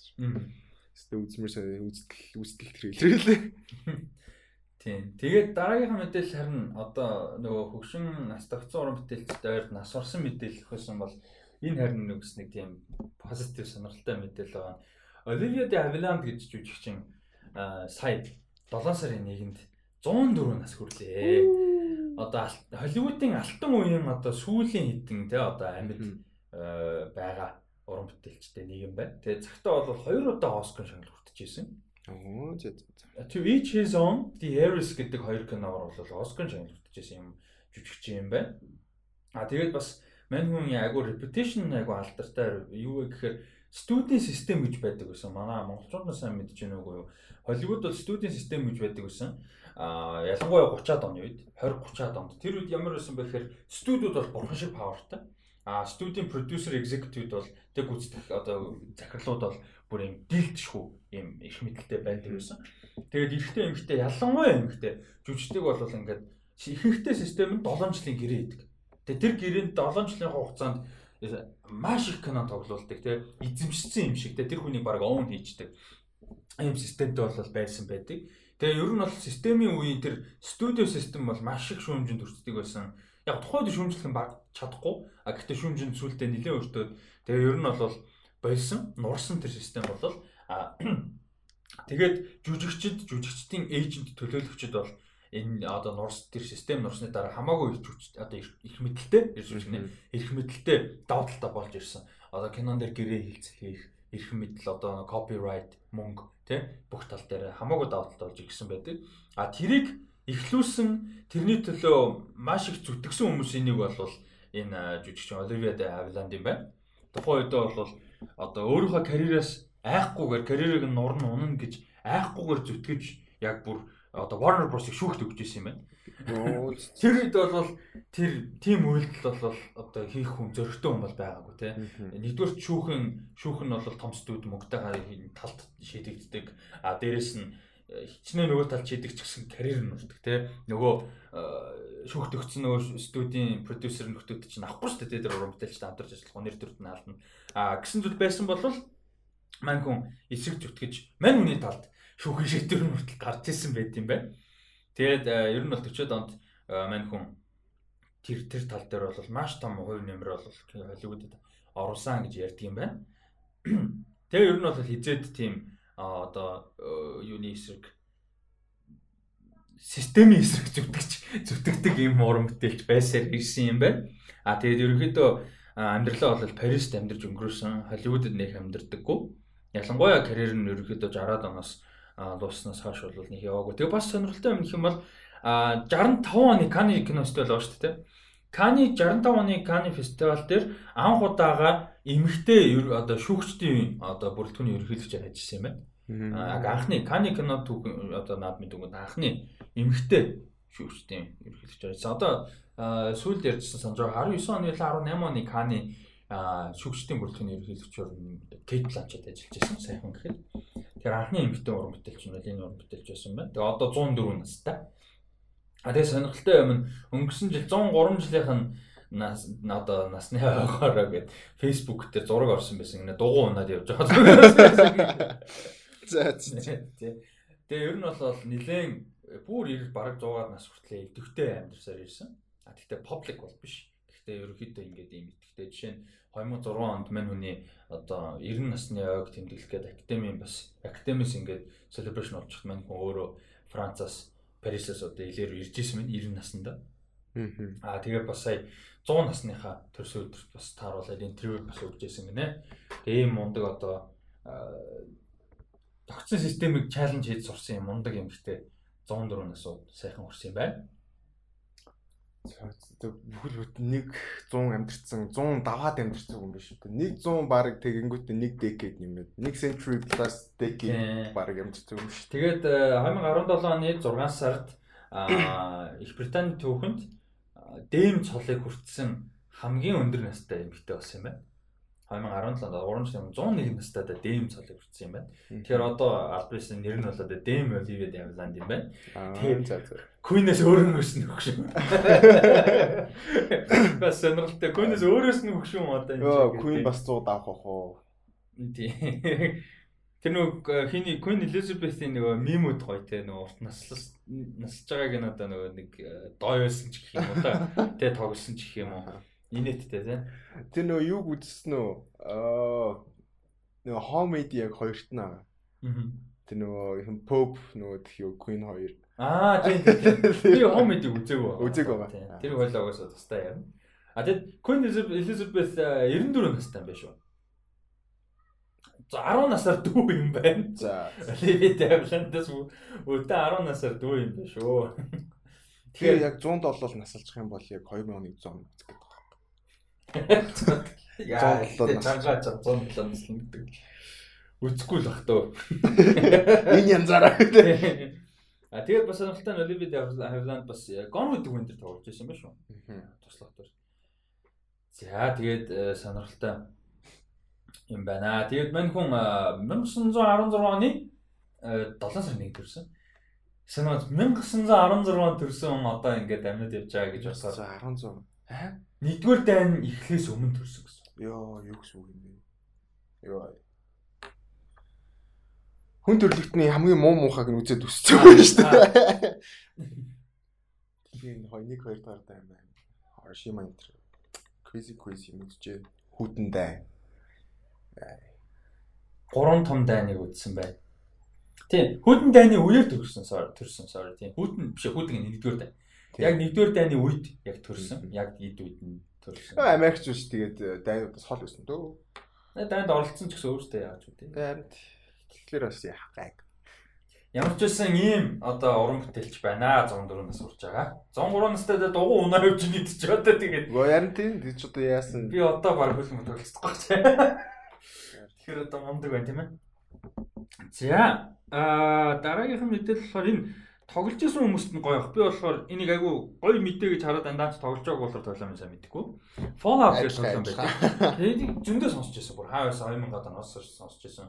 Аа, Fallout гэдэг тоглоом цувралуудыг sci-fi dystopian ийм action тоглоом байдаг хүмүүс. За манай сонсч байгаа бүр сайн мэдэх байхаа. Энэ яриан дээр бас гоё оролцоорой. Комент хийрээ. Аа за ямар мэдээлэл өнөө гэхээр Westworld цувралыг а, үүсгэн бай үүсгэсэн одоо writer зохиолч а, Lisa George Jonathan Nolan хоёр бол Amazon компанитай 3 9 оронтой тооны гэрээтэй гэдэг гэж байгаа тийм ярьж ирсэн шүү дээ. Тэрний талаар бол анх гэрээн зарлагдаж байхад ярьж ирсэн. Тэгээ маш олон төрлийн кино, цуврал, олон прожектээр ажиллах юм гэрээ бол хийсэн байгаа. А тэгээд энэ гэрээний хүрээнд бол ажиллахаар болсон шинэ прожект нь Fallout юм байна.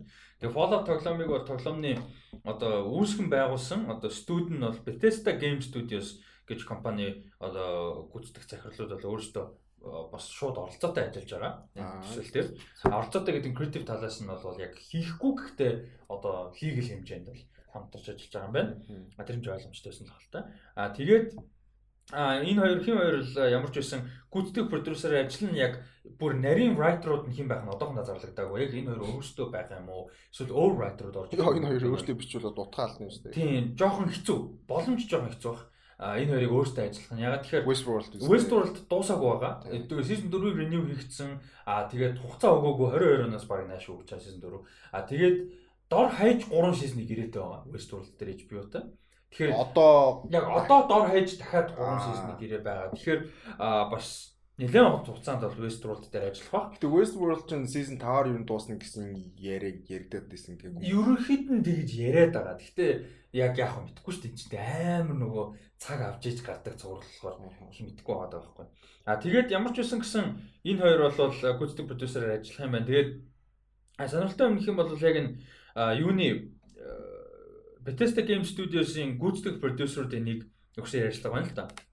Тэгээд мань өгсөн ярилцлаганд бол хэдэн жилийн өмнө Jonathan Nolan, Lisa Joy хоёртой уулзаад ярилцахад шууд шийдвэр түсэн те. Энэ хоёр бол манай одоо энэ Fallout тоглоомыг дэлгэцийн урлагт хөрвүүлэхэд хамгийн төгс таарсан хоёр уран бүтээлч юм байна гэдэгт бол шууд хүлээн зөвшөөрсөн гэж ярьж байгаа. Тэгээ чинь орж ийн гэх юм нэгдүгээр Fallout тоглоомоо бол телевизийн эсвэл кино кино болгох гэж маш олон жил яригдсан.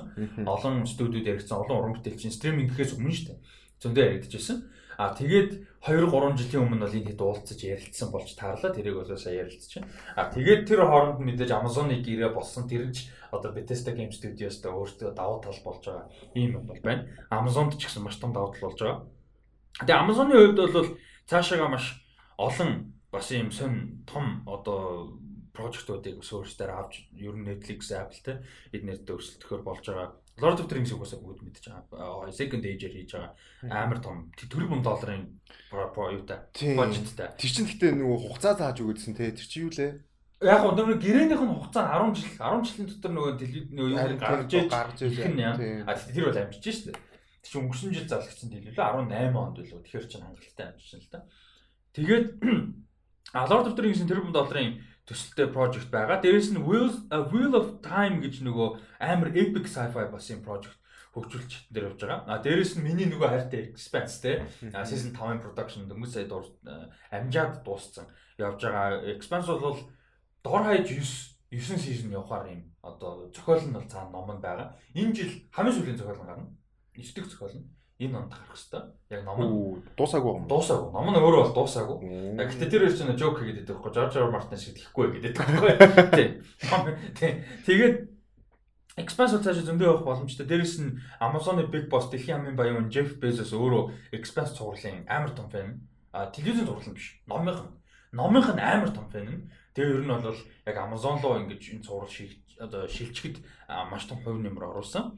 А тэгээд одоо бол Fallout ингээд нэмэгдэж байна. А гэхдээ энэ дөнгөж хөгжүүлж чад одоо яригдж байгаа учраас дээрээс нь Jonathan Nolan, Lisa Joy хоёр Westworld-ийн ажил байгаа учраас энэ team хордон шууд одоо газраас өндөрчихгүй байх.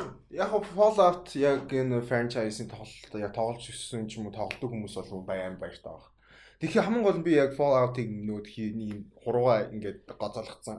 Хэрэг хурууга газаалгацсан нэг нэг cartoon character байдаг шүү дээ. Тэрүүг нь амьсаа мэдчихэв лого маягийн. Тийм. Тэгээ нэг тийм 50 оны эстетик байдаг тий. Тийм, тийм. Тийм нэг зурагт мурагт нэг өнгө мөнгө тавь эстетик.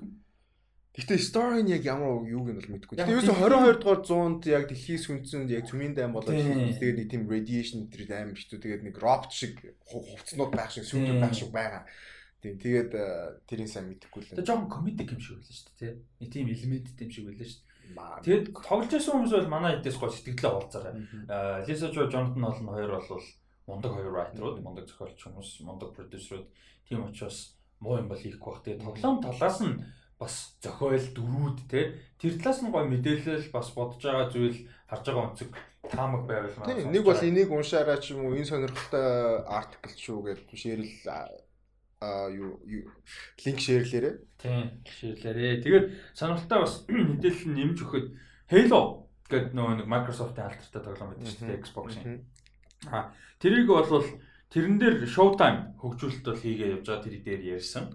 А тэгээд HBO сая The Last of Us дээр зураг хийхээр орсон байгаа. Тэрийг мэдээллийг ярьсан. Дээрэс нь Netflix одоо Witcher дээр хийж байгаа. Ер нь бол стриминг сервис бүгдээрээ видео гейм адапташнууд бол одоогийн байдлаар хийж видео гейм адапташн, номны адапташн зөндөө хийж байна. Тэгээд хэр амжилттай байна гэдэг сонирхолтой. Тэр нөгөө бүрийн хэмжээний кино тал дээр видео гейм адапташн ер нь амжилт маш муу шүү дээ. Одоо зөвхөн Curse гэдэг байгаа шүү дээ. Curse. Тийм. Critical rating бодоход баг Sonic Detective Detective fucking Detective Pikachu 2 хамгийн өндөр үнэлгээ. Хамгийн сайн. Тэр яг хөөрхөн average кино. Гэхдээ хөөрхөн average кино хамгийн өндөр үнэлгээтэй байна гэж бодохоор барбаслахгүй байсан. Тийм тийм. Тийм. Тэгээ орлогоны хувьд ч гэсэн тэр хоёрын нэг нь хамгийн их орлогосон. Тийм. Үгүй л үү? Арай үгүй л үү? Тийм баха. Бараг тийм баг шүү тийм. Би анд бол тийм. Тэгэхээр ер нь бол бүрийн хэмжээний кино биш видео геймний ирээдүй одоо дэлгэцэн урлагийн ирээдүйн ТV дээр байна уу гэдэг сонирхолтой байна. Тийм. Одоо чинь гэхдээ Witcher бол гэхдээ яг тоглоом гэхээс илүү ном багсаа тийм. Тийм болохоор өөр гой гой гой гэж зүйлтэй гэхдээ юм дайжгүй. Тийм. Тэгэхээр бас яг яг тоглоомоос аваад хийж гайгүй хаа. Уул нь би юунд амар юу аа хайпт байсан нөгөө юунд Fast Bender тоглолдог чинь нөгөө Assassin's Creed Тэгсэн чинь тэр амар муу болцсон. Тэгээд за за гэж өнгөрсөн. Тэгээд уул нь Assassin's Creed энэ тэр уул нь ТV шоу байхад бол хамаагүй тохирох байхгүй. Тэр ертөнц болон тэр дөрүүд тэр одоо Templars гэж юу юм те бүх бүх юм нь илүү түүхэнд гой болж болно. Даанч яг канонло буулгахлаар яг 30 90 минутанд бол багтаад бол хэцүү. Ер нь бол. Би бол одоо хүртэл нөгөө Deus Ex дээр байгаа л бодлоо. Гэхдээ яг одоо яг өмнө хэлээд Deus Ex жоохон буцахдах гээд сонирм биш болчиход байна story нь. Тий. Яг уул нь өөрөө амар гоё story world л та тасгай. Гэхдээ тэр нь зүгээр кино юм уу за ялангуяа телевизийн цуврал болоход Altered Carbon байна тий энэ тэрэг ингээд Tech World энэ тэрэг гэсэн их болцсон болохоор нэг тийм шинэлэг биш болчих. Тийм тийм. Сайн хийсэн ч хүн үзэхгүй байна. Үзэхгүй тийм. Тий нөгөө юу тэр Mars дээр ямар John John of Mars үү? John Carter of Mars. John Carter of Mars. Тэр мөр чинь уулын тухайн үедээ бүр ground breaking амар Rice Burroughs гэж зохиолч юм бүр тийм legendary зохиолч ба. Тэгээ тэнчэнэс Star Wars байна те анименууд тэр акшнууд маш олон уран бүтээлүүд ингэж санаа авч ирсэн. Одоо тэр дүүн дээр бас нөгөө хүмүүсийн санаа зовоод айгаад байгаа юм чинь бас нэг юм тийм шүү дээ. Яг ингээд тухайн үедээ бас ground breaking те одоо бидний үзэж өссөн дуртай sci-fi кино тэмчэнээс ингэж одоо санаа санаа авч гой болсон байгаад байдаг. Тэгсэн чи яг үндсэн оригинал нь болохоор ингээд сүулт яг тэдрээсээ сүулт гарч байгаа болохоор хүмүүст хүрэх нь яах бол гэдэг нэг тийм айц байгаад тах шиг байна тийм. Гэтэ дүүн өдр бас тэгээд гэтээ яг зохиол хэсэл баг кастераа баг хүмүүсээ татаа явчих шиг болтой. Гэтэ дүүний каст тэгээ production crew нээр. Production designer юу costume designer зураглаа живлүүлэгч хүчмэн зохиолч бүр бүр ингээд ийм зодцсон байгаа байхгүй. Тийм тэгээд Дэнэ Виленов тэгээд угаасаа тэгээ өөрөө мундаг болохоор тэгээд хэцүү л. Аа тэгээ хоёр зохиолч чинь тийм. Джон Спейтс тэгээд нөгөөх нь Эрик их юм блэ. Амар лежендэр хоёр зохиолч ажиллаж байгаа шүү дээ. Тэгээ necessary change-үүд хийчихгүй л үү. Тэр тэр тэр кино фейлдэхгүй. Тэр ингээд нь шүү дээ. Box office бол фейлдэн. Тэр угаасаа ингээд тэр бомб болохгүй зэ. Яг тэгтээ энэ жил бас сонирхол та корона маань гэдэг. Who knows. А гэхдээ тэр кино box office бол шийдээ асуудалтай. А гэхдээ бусад талаар тэр ихтэй фейлд хийхгүй кино зэ. Нэр нэр тоглоомчгүй ихгүй кино гэж байдаг бол дүүн. Нэр үнэхээр. Тэр нэр яг одоо крона крона гэдэг нэг recession энтригэл бөө дараа нь хэцүү болно болно гэл нэг тэгээд тэгсэн чи дээр нэг Монгол банкнд нэг ажилтдаг маа нэг найз шал ондоо юм ярьж. Үгүй наад чинь бас яг тийм биш. Хүмүүс ингээд одоо ингээд мөнгөө хэрэглэхгүй байж байгаа крона дууссан гинт ингээд спайктна гэд тэгэл яриад л. Гэтэ мөнгөө хэцүүл ахалтай мөнгөө хэрэглэхгүй гэж мөнгө чинь ингэж чулуу шиг тогтцсон байдаг юм биш үстэй. Гэтэн цаг унаа гэдэг чинь мөнгөний value унаа гэж хэлж шүү дээ. Гэтэ яг хөө тэгэж спайкт ч магадгүй маяг юм ярил би тэгээд л. Окей. Окей, sure sure. Окей. Монгол банкнд ажилтсан юм чинь те. За за. Спайктаад байхыг мөнгөтэй юм байна уу? Байхгүй болох. Би бол тэр бол те ялангуяа угаасаа угаасаа манус ядчихсан юм ийм нөхцөл болж байхад нэг Яг театр театр хүмүүс орж морхны тийм энгийн юмны зарлага буцаад нөгөө юм нэгтгэхэр мэдээж техниктэй концертэнд хүн очно те кино театр дүүрнэ. Тэрийг нэг спайк гэж бол хүлээж авахгүй л. Тэг үгүй л илүү дээ. Би бол техникли спайк бах. Яг одоогийнхтай харьцуулсан бол. Тэгэхээр чинь нэг тийм эдийн засаг сайжраад хүмүүс мөнгө өрөөд байгаа даа биш нэг тийм энгийн ором руугаа л орж байгаа юм спайк бол биш байгаа байхгүй. Тэг яг нэг за хэмээн засаг. За сайн мэдгч биш шүү. Нэг тэрийг яриад байгаа. Алуул нэг бол. За дараагийн мэдээ сүүлийн ерөнхийдөө сүүлийн мэдээ өнөөдрийн подкаст нэлээд богинохон талтай болж таарах нь. Аа сүүлийн мэдээлэл болохоор Актем шин гişүүдэд урилга явуулсан байгаа. А 819 хүнд урилга явуулсан байгаа. Тэгээ 819 онд явуулсан урилгын 45% нэмэгтэй уран бүтээлч 49% нь Америкас өөр орны иргэд а тэгээ 36% нь бол одоо minority буюу одоо цагаан биш хүмүүс гэх юм одоо Caucasian биш хүмүүс. Энэ өнгөд арьстай хүмүүс гэж яриад байгаа тийм. А 100 латин юу ерөөсөө цагаан биш хүмүүс л байхгүй. Hispanic. Hispanic Latinтэй ерөөхдөө basically Latin хүмүүс өнгөд арьстай ахаар юу тэрэн дээр би ястаа conversations with a black man гэдэг юм дээр ингэсэн African American гэдэг term ер нь ингээд хаахгүй юм байна гэж. Тийм тийм black people black гэж ярих нь зөв байна. Ягаад тэгэхээр Caribbean хүмүүс байна, Африк биш те яг хуу бүр дээр үедээ бол Африк. Гэтэ одоо native хүмүүс байна те native black хүмүүс бас байдаг. Өмнөд American native black хүмүүс ч юм. Тэгээ олон тийм байгаад байдаг учраас African American гэж ярихаар яг мэдээж тийм хүмүүс байгаа Америк те. Гэхдээ overall болчиход байдаг. Тэгээ ер нь black гэж ярих нь зөв шүү гэж Black хүн өөрөө хэлж байлаа шүү. Дээр чинь чи Matthew McConaughey ярьсан ярьслан дээр. Тийм тийм тийм тийм. Зөв зөв зөв тийм. Conversations with the uncomfortable conversations with the black man гэдэг шинэ видеонууд тэрэн дээр тэгжлээ. Тийм ийм байгаа шүү. Тэгээд а уран бүтээлч дурдъя. Өө за наад чинь дурдах юм бол амар хөө. Тийм яг гоо жишээ авч дурдъя те юу ч гэсэн. А айгүй олон гоё уран бүтээлчд байгаа. Тэгээд жүжигчдээс а эхлээд ерөнхийдөө дурдъя. За Ялиза Апарисио дурдъя. Энэ гэхдээ бүгд хүлээж авсан гэсэн үг биш шүү. Энэ бол зүгээр урилга явуулсан уран бүтээлчт нь бүгд accept гэсэн гэсэн үг биш. Ялиза Апарисио байна, Акофина байна, Zazie Beats, Bobby Cannavale байна. За Parasite дээр нөгөө ээжийн дүр тоглодог Choi Moon шиг гэр бүлийнх нь тий. Ким, Кимийн гэр бүлийн Ким биш Пак Пакийн гэр бүл тий. Нөгөө баян гэр бүл нь Пак үснэ. Тэрийг ээж тоглодог. За Zendaya байна. Mackenzie Davis байна. Anna de Armas, Caitlin Dever, Cynthia Erivo. Нэрийг наатан дээр ч уншчихад гайхал. Cynthia Coleman гэдэг. Тэ. Окей, that's weird. Beanie Feldstein байна. John John Hill-ийн дүү. Аа тэгээд Adele Hanel байна. Нөгөө a Lady on Fire дээр тоглодог юм те. Аа Kevin Harrison Jr. Waves Loose гэх киноноор тоглосон. Манай Brian Tyree Henry байна.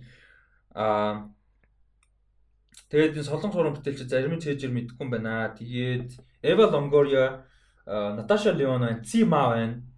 Farewell дээр тоглосон. Аа Arrival дээр тоглолдог. Цима дээр нөгөө Цима нөгөө нэг Farewell дээр аавын дүр тоглолдог. Arrival дээр нөгөө генералын дүр тоглолдог.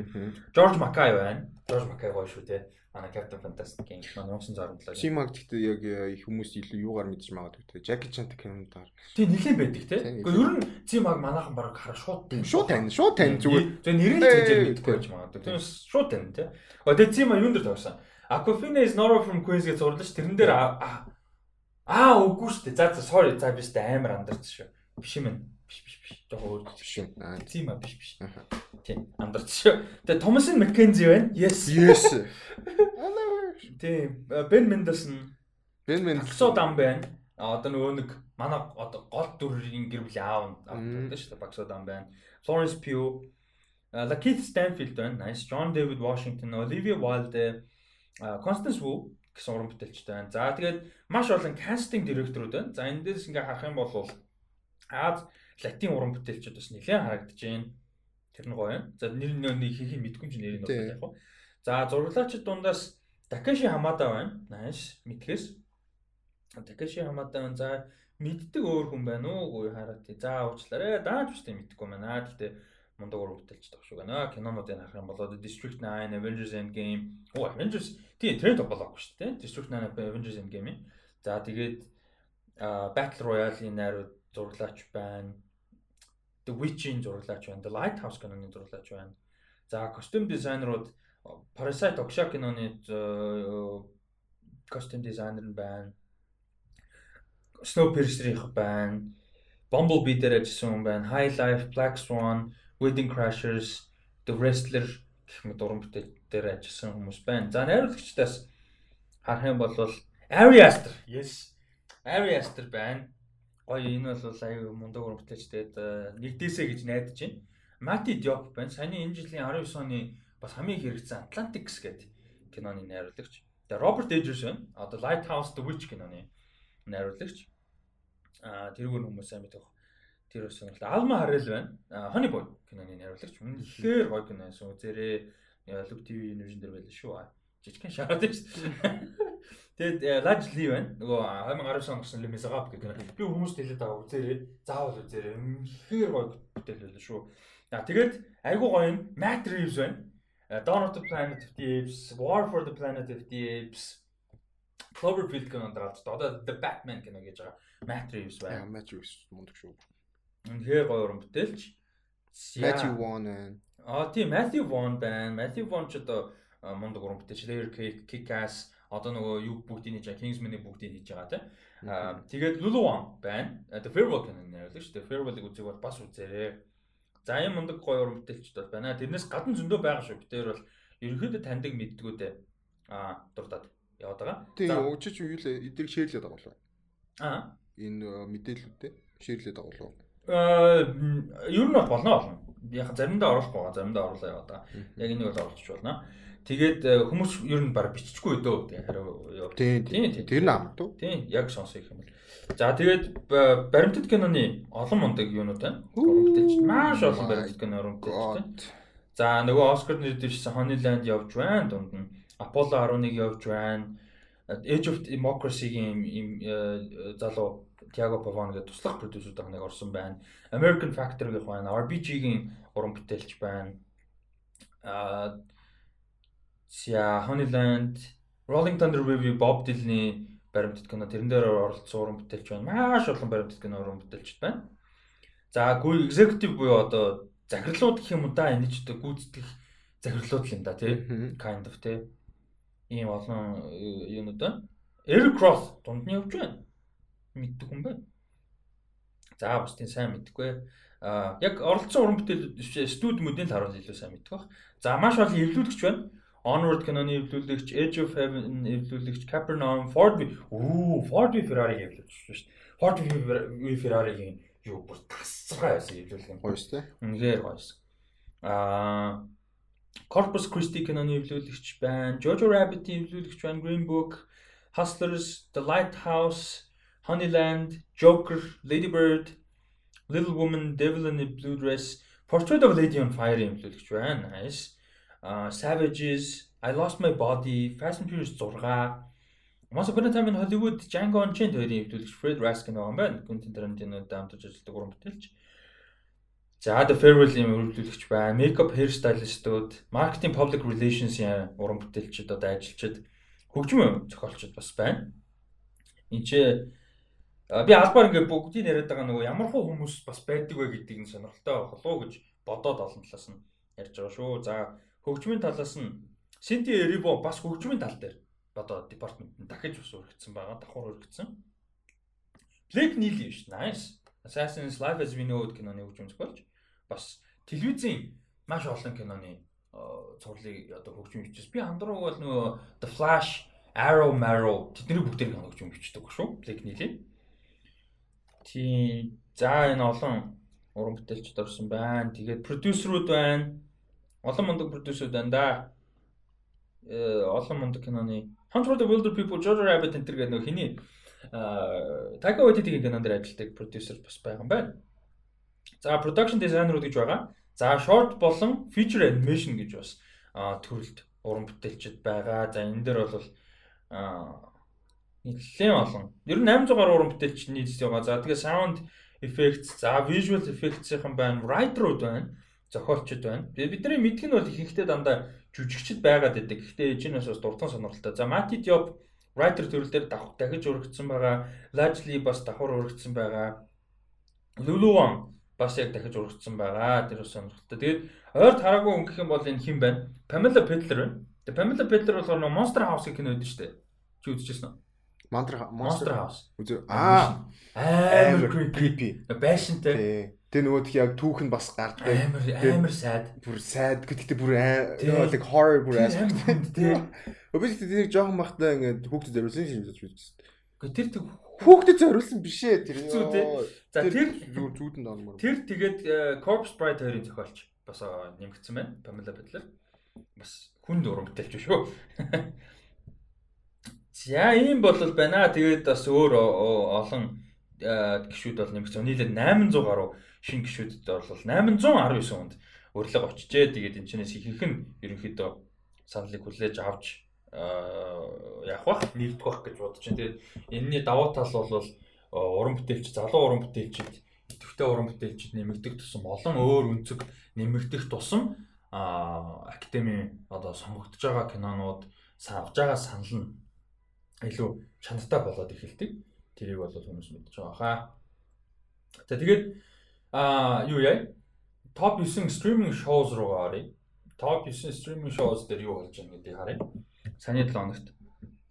За 9-нд The Witcher явж байна. 8-нд нь Star Wars The Clone Wars, 7-д Titans, 6-д Doom Patrol. Doom Patrol бол одоо season 3 нь явж байгаа. Авч дээр 2 нь 2 нь явж байгаа. 13 Reasons Why айгу хурдан бууж байна. 5 руу орсон байна. Аа энэ утгагүй хөө гэж. Mandalorian жоохон буусан байна. 4 рүү орсон байна. Dark Dark орж ирсэн. Йоо, Dark-ыг үзэх хэрэгтэй байна. Dark орж ирсэн байх шүү. Э, Talk of the Town болчиход байгаа тий. Dark-ыг бол одоо баг хүн болгон ярьлаа. Сая season 3 болсон, сүүлийн season. Аа, тэгээд Dark Web чинь хоёрт нь Harley Quinn мэдээж сая season finale явсан учраас. Үу, Poison Ivy л хаа. Йоо, he is trust me. Тэгээд нэгт Stranger fucking things man. Энд тэгээ no wonder боллоо. Дөө. Damn нэр. Тэгээд Harley Quinn-ийг үзээрэй. Үзээрэй. Амар хөөрхөн. Тэр King Shark Mark бүр татаан бүр ёо. Амар хөөрхөн. Аа Dark Dark-ыг хүмүүс нэлээд үзэж байгаа тийм. Чи хизээ үзье гэж бодож байна? Ер нь soonest possible хэлүүлмээр байна. Аа. Тэгээ зингэл тэгээд тэгжил нөгөө шууд binge watch хийчихвэл зүгээр юм бэлээ гэдэг тэгээдсэн. Гэхдээ яг яг season season дээр арай нэг жоохон бас ингээд уусгаа шингээгээд нэг тийм digest хийчээд тэгээд үзвэл зүгээр гэж магадгүй. Би юм нэг яриад байдаг шүү дээ. Бинж хийх зориулалттай хийж байгаа цувралуудыг бинж хийгээд week to week гарсан цувралуудыг дундан жоохон зайтай үзүүл ер нь зүгээр. Ер нь анханасаа эн чинь яг хэлээд байна narrative зохиол найруулга тэрийгэ бодож хийж байгаа шүү дээ. Тийм болохоор dark or жишээ нь нэг season нэг дор гарчдаг Netflix цуврал учраас бинж хийх нь тэгэж бодож хийсэн байгаа. Westworld-ыг одоо яг үзэж болно л да 3 season бүтэн гарцсан байгаа. Гэхдээ шууд нэг season бинж хийгээд what the fuck санагдах байхгүй юу? амар хэцүү байхгүй. Тэгэхээр дунд нь ядаж нэг өдрийн зайтай нэг эпизод шил ядаж 2 2 эпизодор ч юм үзээд жоохон шингээгээ, жоохон процесс хийгээд тэгэж үзүүлээ л байгаа. Тэгэхээр ер нь бол яг яаж хийгдэж яаж гарснаас нь хамаарч үзүүл зүгээр байхгүй. Ер нь бол. Би бол тийм хандлагатай. За юм байна. Тэгээд топ 9 Netflix стриминг кинонууд.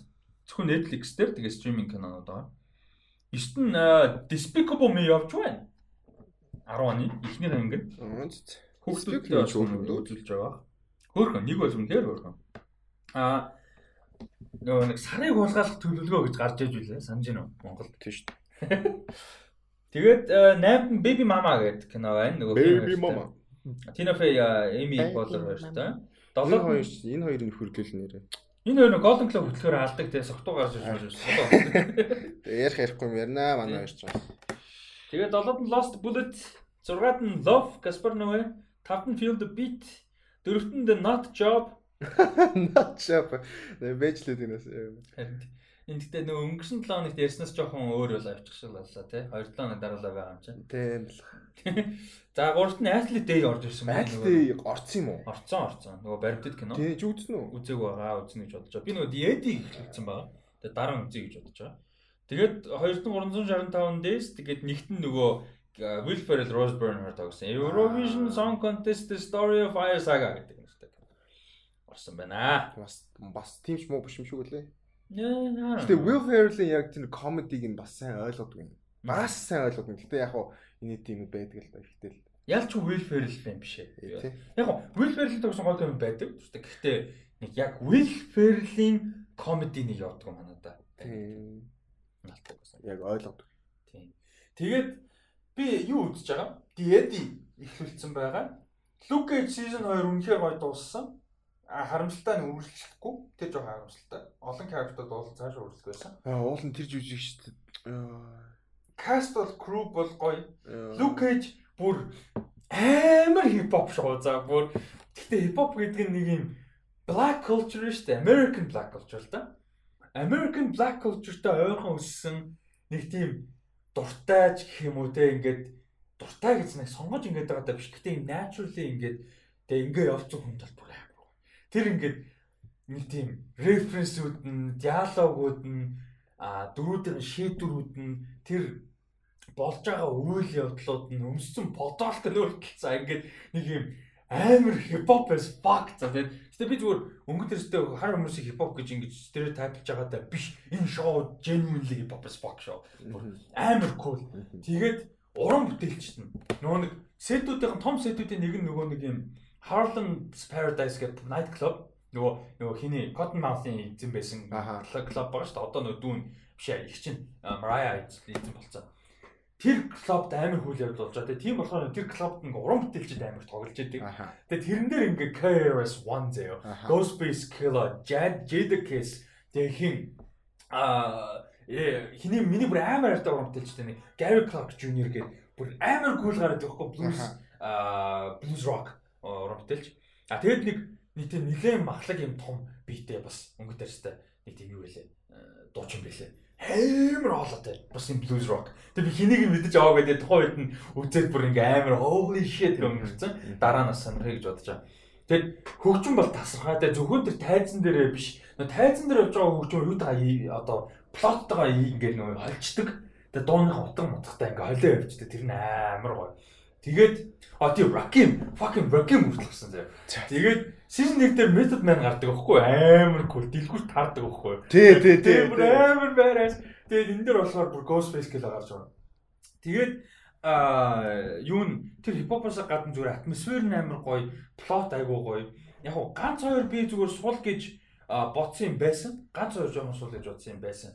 Тэр нь амар weird compliment биш сүм санагдаж магадгүй гол дүр жоох бол look нэг тийм яг уу writing талаас би яагаад энэ дүрийг ийм шийдвэрүүд гаргуулад тэнцэнээсээ яаж ийм үр дагавар түрээд дараагийн сизон дээр тэр нь одоо яаж амьдралд нөлөөлөх вэ гэдгийг одоо overall visionтэй байсан юм байна гэдэг юм би хараад байгаа байхгүй юу.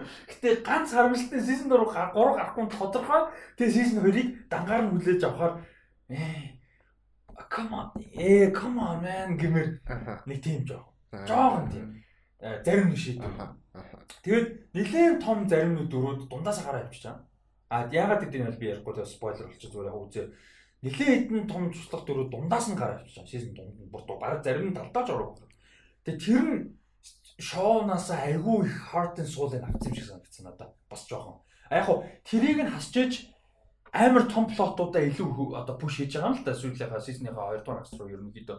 Гэхдээ тэр нэг тийм and soul байхгүй болсон. Ядж яхад манай Luke өөрийнх нь плот жоохон суул байгаад исэн character нь өөрөө тэгэнгүүт бүр жоохон унтсан юм шиг санагдсан. А гэхдээ ер нь бол шинээр нэмэгдэж орж ирсэн тэр Bushmaster энэ төр гэдэг дүрмөр. Тэгээ энэ чинь Ямаку дагуух орж ирж байгаа. Ямак plotline, Ямак character. Тэд нар бүр амар cool байсан. Надад амар таалагдсан юм тэр зүгээр энэ unapologetically Jamaican. Шууд ингээд Jamaican-аар яриад тэгээд үзэгч тэрийг ойлгох үгүй нь үзэгчийн challenge. Ингээд Netflix болон production нь ингээд те ойлгуулахыг ерөөсөө хичээж байгаа байхгүй. Тэгээд тэр надад амар respectful санагдсан тэр culture-д нь. Тэгээ англиар яддаг шүү дээ. Гэхдээ Jamaican accent амар хүнд Тэгээ амар инээдтэй юм зөө. Ямаа. Тэгээ Wagwan Blood. Тэгээ тэгсэн чинь нэг Jamaican character-ууд нь ярьж байгаа шүү дээ. Тэгсэн subtitle нь Jamaican-аар бичсэн. Амар гоё. Одоо англиар бичээгүй. Одоо англи хэлээ л дээ. Гэхдээ Jamaican version-аар бичсэн. Одоо Wagwan Blood гэдэг чинь түүний дор Wagwan Blood гэж бичсэн. Тэр англиар юу гэсэн утга гэдгийг бичээгүй. Яагаад гэхээр yo what's up гэж байгаатай л ялгаагүй болчиход байгаа тэр culture хэл тэ. What is up гэдэг чинь how are you doing гэдэг чинь what is going on гэсэн утгыг бид нар мэдэн шүү дээ what's up гэхээр тэ.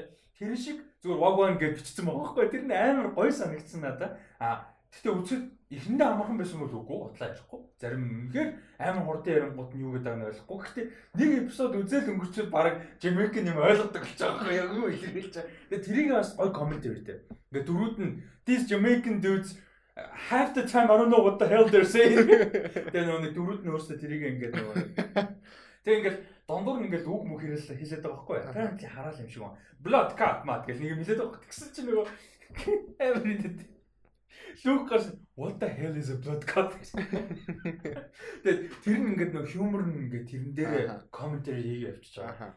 Надад тэр тал нь амар таалагдсан. Тэгээд Jamaican оо нэр ихийн гардаг. Нөгөө Marley хүүхдүүдийнх нь нэг нь дээр авсан. За за за. Зиги биш. Зиги ч амар алдартай. Damien биш, Зиги биш. Яг тэр амар алдартай шүү дээ. Тэгээд нэг тийм юу байгаа. Өөр аа нэг Marley гардаг ямар ч байсан. Тэгээ ер нь бол надад overall э, айгүй таалагдсан. Юу бол би юу лээ? Look Edge. Тэгээ Diedi гэж сурлыг үзэж чад. Гэтэ дөнгөж ихний эпизодыг үзсэн байгаа учраас дараа нь тухтай ярий. А тэгээд home meeting байлаа удахгүй review угаасаа хийн. Тэрний талаар бол. Чи өөр юм үзэж юм жоо. Би Lost in Space-ийг эхний season 2 season үзэж дуусгасан. Netflix дээр. Аа season 3 гараад дуусгах юм бэ лээ. Тэгээд Lost in Space-ийг бас би заавалчгүй үзээрэй гэж хэлмээр байна. Яалчгүй гоё байлаа. Тэгээд гой гой sci-fi кинонд бас бас нэлээд их inspiration авсан санагдсан. ET MET-ээс ер нь бол ингээд харагдана. Жохон хүүхэд нь одоо нэг robot найзалж байгаа. Тэгэхээр тэр нь хар гаргих. Гэхдээ ингээд нэг тийм robot-ийнх нь бас ингээд хэлбэр дүүрсэн бас ингээд нэг тийм inspiration бас ингээд тодорхой хэмжээнд ET-гээс ирсэн юм шиг.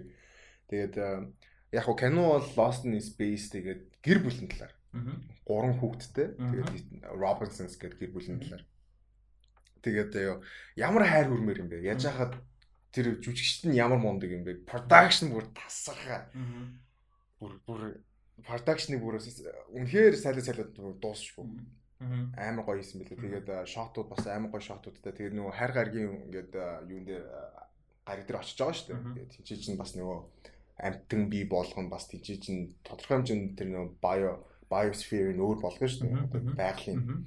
Тэгээ тэнцээ яг гарч байгаа аим. Ээл нь харагдуулна. Тэнд ээл нь харагдуулна. Тэрийг бүр төгс хийсэн. Ингээд ингээд дэлхий дээр биш гэд гэж ойлгоно. Тэгээ яаж хаа тэр чинь дэлхий дээр л яг ингээ ландскейпийг өөрчилж байгаа шүү дээ. Тэгээ үнэхээр гоё юм билээ. Тэгээд зохиолын үгч гоё юусэн. Тэгээд яг хуу season 2 дээр жоохон сул зүйлүүд байгаа. Бас нөгөө story зөвхөн Robinsons гэдэг гэр бүлийг тойрж байгаа. Гэхдээ Robinsons гэдэг дүрүүд ер нь ингээд нэг тийм плото гол гэдэгээрээ ингээд нэг тийм өөрснөөс нь давсан хэмжээнд ингээд оролцоод байгаа санагдаад байна. Миний надад зүгээр тийг санагдсан. Нөгөө тэр чинь одоо ингээд бүхэл бүтэн нэг колони амар том хүмүүс олон хүн байгаа. Тэгээд тэнцээж хайр гаргийн ингээд бас нэг буян болж байгаа.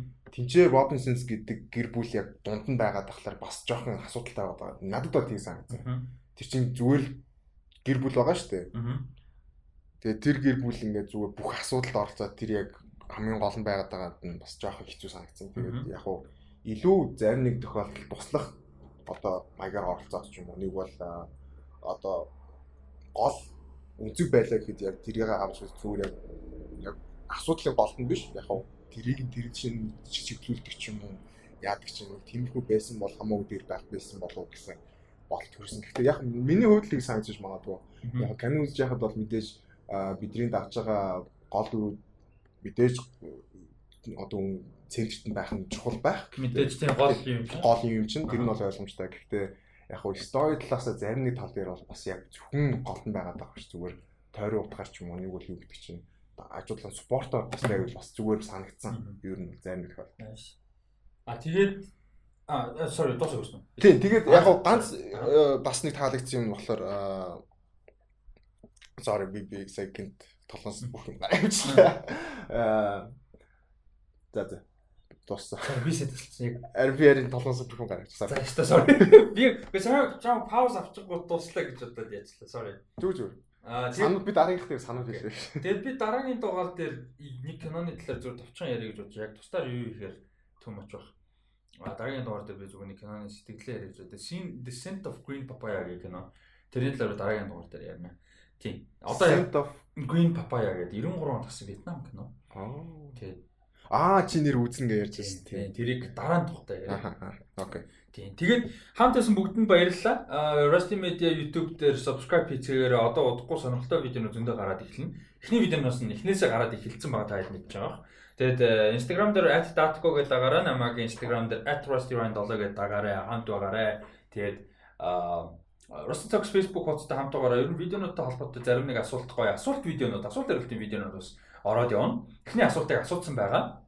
А үргэлжлээсэй гэж үсдэг кино телевизэн сурлал юу байдаг вэ гэсэн асуултыг асуусан байгаа. Тэгээ тэрэн дээр нэлээд хариулт ирсэн. Тэрэн дээр видео хийн. А тэгээ удахгүй битээр Homemade гэдэг Netflix-ийн anthology сурлалын талаар, project-ийн талаар бас сэтгэлээ хуваалцсан ревю хийхээр тохирсон байгаа. Тэгээд энэ зундаа багтаад би одоо энэ зундаа гэхээс 7 сард ч юм уу багтаад 2019 оныхоо favorite кино листийг гаргах гэж бодож байгаа. За надаа нэг 40 орчим кино дутуу байна. Тэгжээж одоо satisfiable болж одоо 19 оны зорьсон кинонуудыг үзсэн гэж тооцоод байгаа байхгүй юу? Тийм тийм. Би бас яг чаанг түрүүн бас лист гаргаарай гэж хэлэх чинь за кино үзэхгүй болохгүй гэж. 19 он кино үнэхээр бүр дэндүү их байгаа. Үзэх хэрэгтэй кино. Тэгээ 19 он үнэхээр гайхалтай жил байсан байна. Үнэхээр гайхалтай жил байсан байна. Аа тэгээд ядчих нөө Америкуудын лист харна шүү дээ 19 он. Тэгэхээр нөгөө хойлон үндсэн too late die young юу нөгөө юу woman woman at war тэгээ birds of passage дандаа явж байна. Америк тэр гурав дандаа нөгөө юунд байсан нээлттэй хийсэн. Тэгээ харангуут гэж нэг тийм амар proud байгаа. Йоо би тэгтээ too late to die young дахиж үзмээр байна. Тэр бүр ингээд нэг тийм experience те бүр тэр үнэхээр oh my god тэр бүр portrait үзсэн үү? Portrait үзсэн. Portrait дээр яг би яач Темкагийн зөвшөөрлгүйгээр Темкагийн бичсэн юм шүү. Publicly зарлж. Тэг Темка нэг манай group chat дээр бичсэн зал. Тийм Portrait of a Lady on Fire зүгээр frame by frame уран зураг байж тээ гинэ. Нэр нэр үнэхээр би нэр санал нэг бүр Portrait of a Lady on Fire бүр юм Нийтлэр 2019 оны юу лист гарахын тулд заавч үзэх хэрэгтэй болоод байгаа байхгүй юу? 19 оны лист гарахын тулд гэхдээ нэр үзэх ёстой кино бүр ингээд баг 200 кино байгаад байгаа шүү. Би одоо ямарсан 40 орчим кино удалсан байлаа.